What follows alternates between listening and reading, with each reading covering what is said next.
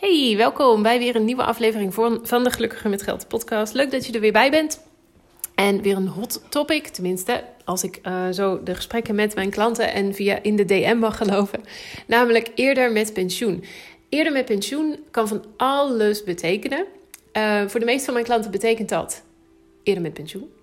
Dus niet doorwerken tot je 68ste of je 70ste of nou ja, uh, hoe oud we tegen die tijd ook maar moeten zijn om met pensioen te gaan.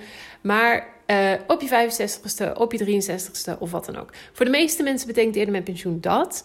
Maar ik wil toch ook even um, een steeds uh, grotere trend nog even erbij halen. En dat is namelijk niet zozeer pensioen, pensioen. Hè, vanaf je 68ste nooit meer werken. Dat is voor sommigen dus ook eerder al wel tot, tot hun 68 of 70ste doorwerken. Maar eerder al mini-pensioens opnemen. Dus in plaats van dat je alles echt in een blok doet van... Hoef, ik werk tot mijn 70ste en daarna ga ik van het leven genieten. Of niet. Um, is het dus meer zo van: oh ja, ik, ik, ik werk uh, tien jaar en dan neem ik een jaar of twee pensioen, bij wijze van spreken, of een jaar pensioen of zes maanden. Weet je, een beetje sabbatical om het zo maar te zeggen, maar dan in upgraded uh, version en meer vaker voorkomend. Ja, dus van die mini-pensioens, dat zijn, dat zijn dingen die toch wel vaker uh, komen. Uh, dat hoeft niet dat je daar nu al mee begint. Kan best zijn dat je zegt tussen mijn 55ste en mijn, en mijn 65ste neem ik drie keer een mini-pensioen op van een jaar, bij wijze spreken. Ik weet het niet, hè? Maar, maar zulke dingen kunnen. Um, dus dat, het, alles, alles kan tegenwoordig. Dus, maar goed, stukje pensioen, eerder met pensioen. Maar interessant is dus wel, uh, veel, ik hoor het veel, wat ik al zeg, van mijn klanten, ook van, van gewoon gesprekken die ik heb op Instagram. De reden daarvoor is vaak ook toch wel dat um, bijvoorbeeld, nou ja, ik werk veel met vrouwelijke ondernemers, uh, wiens partner, over het algemeen zijn dat mannen, um, in de meeste gevallen zijn het mannen die in loondienst zitten. En die dus twee dingen hebben daar. Het feit dat ze zowel gewoon, meestal gewoon pensioen hebben opgebouwd via hun werkgever, omdat ze in loondienst zitten. En um, vaak is het ook, natuurlijk niet altijd, maar komt ook wel regelmatig tegen hoor, dat, dat, dat de partner iets ouder is. Um, en dan is het ook wel echt een relevant top, uh, topic. Want dan heb je natuurlijk inderdaad de vraag, en dat is altijd al zo geweest hoor, dat is niet iets nieuws natuurlijk. Maar dan is natuurlijk altijd de vraag: wat ga je doen op het moment dat je partner met pensioen gaat? Dat je partner de, de AOW-leeftijd bereikt. Um, vind jij het dan oké om nog drie jaar door te werken? Of ga je dan ook liever zelf al met pensioen? Ja, kijk, en als dat laatste het geval is, dan ga je dus eerder met pensioen. Nou, je pensioen. Hoe kun je dat nou precies regelen? Daar ga ik het uh, vandaag nog even over hebben natuurlijk. In Nederland kun je, of wordt er over het algemeen gesproken over de drie pijlers van het pensioensysteem. Ik pak ze er even bij voor je uh, ter herinnering, of misschien is dit een eerste introductie, is ook helemaal prima. In eerste, de eerste pijler, dat is de AOW. Als je in Nederland woont en werkt, dan, uh, sorry, als je in Nederland woont, dan bouw je AOW op. Zelfs als je on ondernemer bent. Um, iedereen bouwt standaard onderne ondernemer AOW op. Ja? Dus op het moment dat je ondernemer bent en je, bent, je bereikt de AOW-leeftijd, dan krijg je ook AOW uitbetaald. Uh, dus dat is eigenlijk de eerste pijler, dat, dat, uh, de AOW. Tweede pijler van ons pensioensysteem is werkgeverspensioen. Dus pensioen dat jij opbouwt uh, bij een werkgever. Ben je al heel lang ondernemer, dan heb je die over het algemeen dus niet. Uh, even ervan uitgaan dat je ook niet meer in loondienst bent. Heb je best wel lang in loondienst gezeten, dan is de kans groot dat jij uh, pensioen via je werkgever ook hebt opge opgebouwd. En dan krijg je dat dus straks ook uitbetaald. Ja, maar goed, over het algemeen als ZZP'er of als ondernemer, dus krijg je, bouw jij geen pensioen op binnen deze pijler. Ja, behalve natuurlijk als je nog wel een loondienst bent. En dan is er een derde pijler en dat is het um, zelf regelen van je pensioen of ja, van je pensioen via een, um, een, een pensioenproduct. En een pensioenproduct is iets waarvoor je ook belastingvoordeel krijgt. Dan mag je bijvoorbeeld denken aan banksparen. Uh, bij banksparen zet je geld apart, net als bij sparen, specifiek voor je pensioen. Dus dat betekent dat je dat echt opzij zet voor je pensioen. En niet dat je dus over vijf jaar denkt: ja, dat was wel een leuk idee, maar ik ga het er toch maar van afhalen. Bij pensioensparen zet je het echt specifiek opzij voor je pensioen. En dat betekent dus eigenlijk ook dat je er niet bij kunt. Uh, pas als je de AOW-leeftijd bereikt, kun je bij dat geld ben je al eerder bij dat geld, dan mag je een flinke boete betalen. Oké? Dus dat is banksparen is één optie. Je kunt ook beleggen. Pensioenbeleggen heet dat. Dat is, het werkt een beetje op dezelfde manier. Maar in plaats van dat je geld dan op een, rekening sta, op een spaarrekening staat, ga je dat dus beleggen. Nou, wat ik net al zei, um, nou, je, kunt ook, je kunt ook dingen doen als bijvoorbeeld een lijfrente of een koopsompolis. Dat, dat, weet je, dat, dat zijn ook opties daarbinnen. Um, maar dat is eigenlijk de derde pijler. Vaak krijg je die dingen bijvoorbeeld ook aan het einde van banksparen. Hè? Dan bereik je je AOW-leeftijd en dan koop je met dat geld vaak bijvoorbeeld een lijfrente uh, polis. En dan krijg je vanaf je pensioenleeftijd, krijg je maandelijks of jaarlijks krijg je geld uitbetaald van dat geld wat je opgebouwd hebt. Eigenlijk, om het even heel simpel te zeggen. Nou, um, dat zijn de officiële drie pijlers. En dat zijn de drie pijlers omdat die ook zo um, door de staat of door een organisatie op de een of andere manier geregeld zijn. En dan krijg je dus ook belastingvoordeel op. Um, wat ik net al zei, als je, als je bank spaart voor je pensioen of pensioen belegt, uh, dan krijg je daar een. Um, een dat, belastingvoordeel op. Daar ga ik over een paar afleveringen, komt daar ook weer een, aflevering over. En hetzelfde is over het algemeen ook als je binnen je, met je werkgever, dus dat is die tweede pijler, waar je dus als ondernemer eigenlijk niks mee te maken hebt. Uh, op het moment dat je gaat ondernemen, is dat vaak ook uh, voordat de belasting van je inkomen is afgegaan, wordt dat vaak ook zo geregeld. Maar goed, dus dat zijn de drie officiële pijlers. Wat is nou het uh, punt met die drie pijlers? Op het moment dat jij eerder met pensioen wilt dan jouw pensioengerechtigde leeftijd, heb je toegang tot niets. Dus je krijgt natuurlijk geen AOW totdat je de AOW-leeftijd bereikt. Nou, we gaan heel even uit van 68. Stel dat jij zegt: Ik wil op mijn 65ste met pensioen. Totdat je 68 bent, ga je geen AOW ontvangen.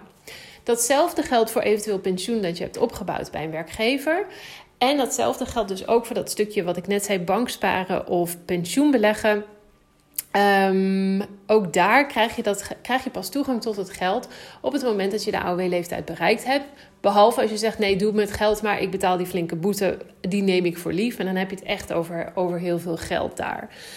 Um, dus wil je eerder met pensioen, dan zul je dat op een andere manier moeten regelen. Hoe dan? En dat is natuurlijk de vraag. dat is eigenlijk het onderwerp van deze aflevering. Nou, um, in eerste instantie is er natuurlijk de optie om gewoon zelf te sparen. Dat is eigenlijk iets wat we een beetje iedereen wel van vroeger hebben meegekregen. Sparen voor later. Voor veel mensen betekende dat vroeger sparen voor je pensioen. Um, op het moment is het probleem daar natuurlijk mee dat je ontzettend weinig, zeg maar geen uh, spaarrente krijgt op het spaargeld dat je opzij zet. En met de inflatie betekent dat dus dat je geld gewoon minder waard wordt.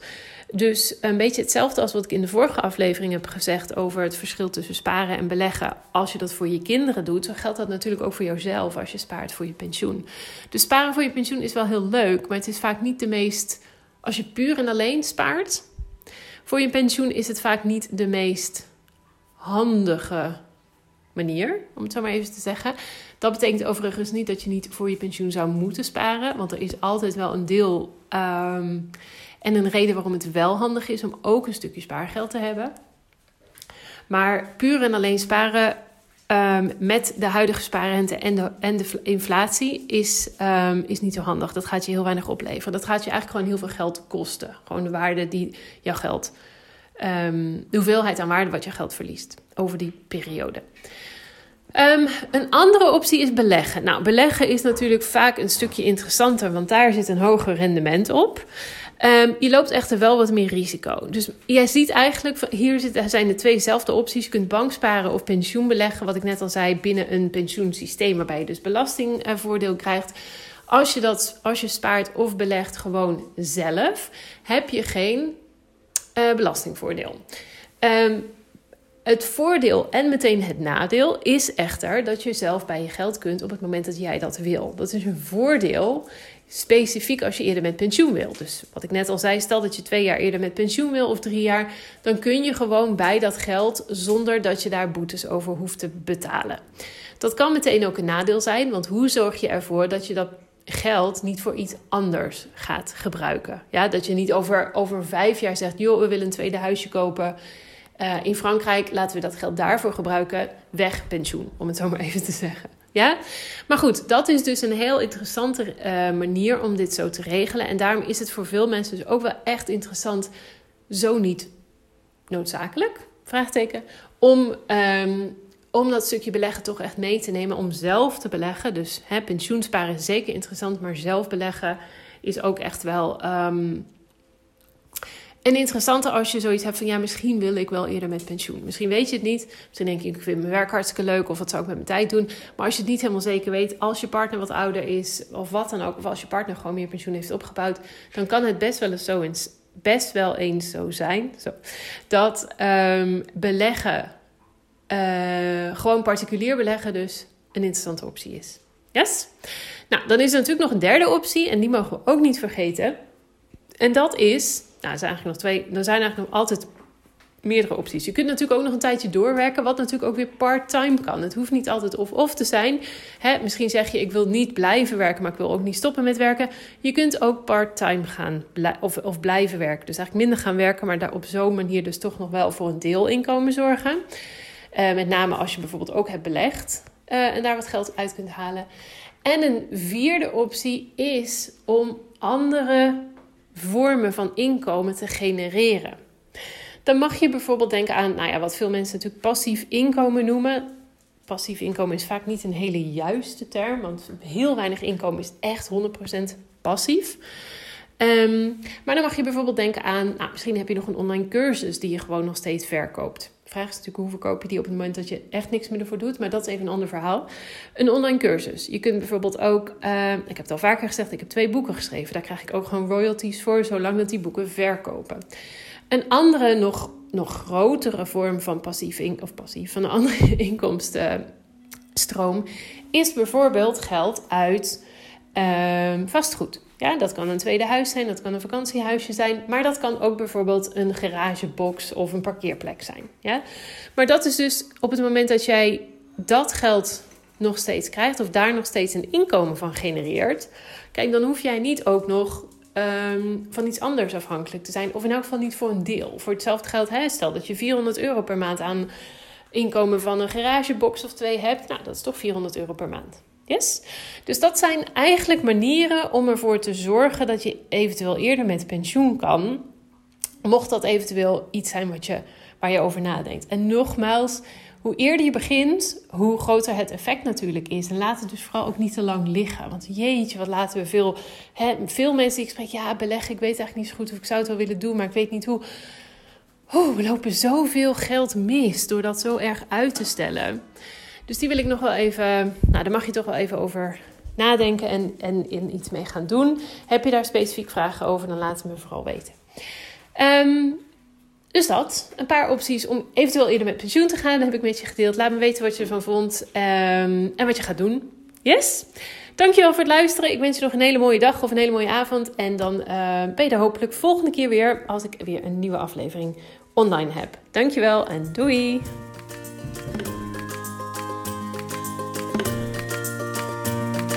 Dankjewel weer voor het luisteren naar deze aflevering van de Gelukkiger met Geld podcast. Ik hoop dat je er heel veel waarde uit hebt kunnen halen. En ik zou het dan ook super leuk vinden als je deze aflevering kunt delen op Instagram. Op die manier kunnen anderen de podcast makkelijker vinden en bovendien help je mij om deze show te laten groeien. Daarnaast vind ik het ook gewoon super gaaf om te zien wie deze podcast luistert en wat je eruit hebt kunnen halen. Dus deel hem op Instagram en taak mij dan met gelukkiger.met.geld. En ik ben er volgende keer weer met een nieuwe aflevering. Ik hoop jij ook. Tot dan!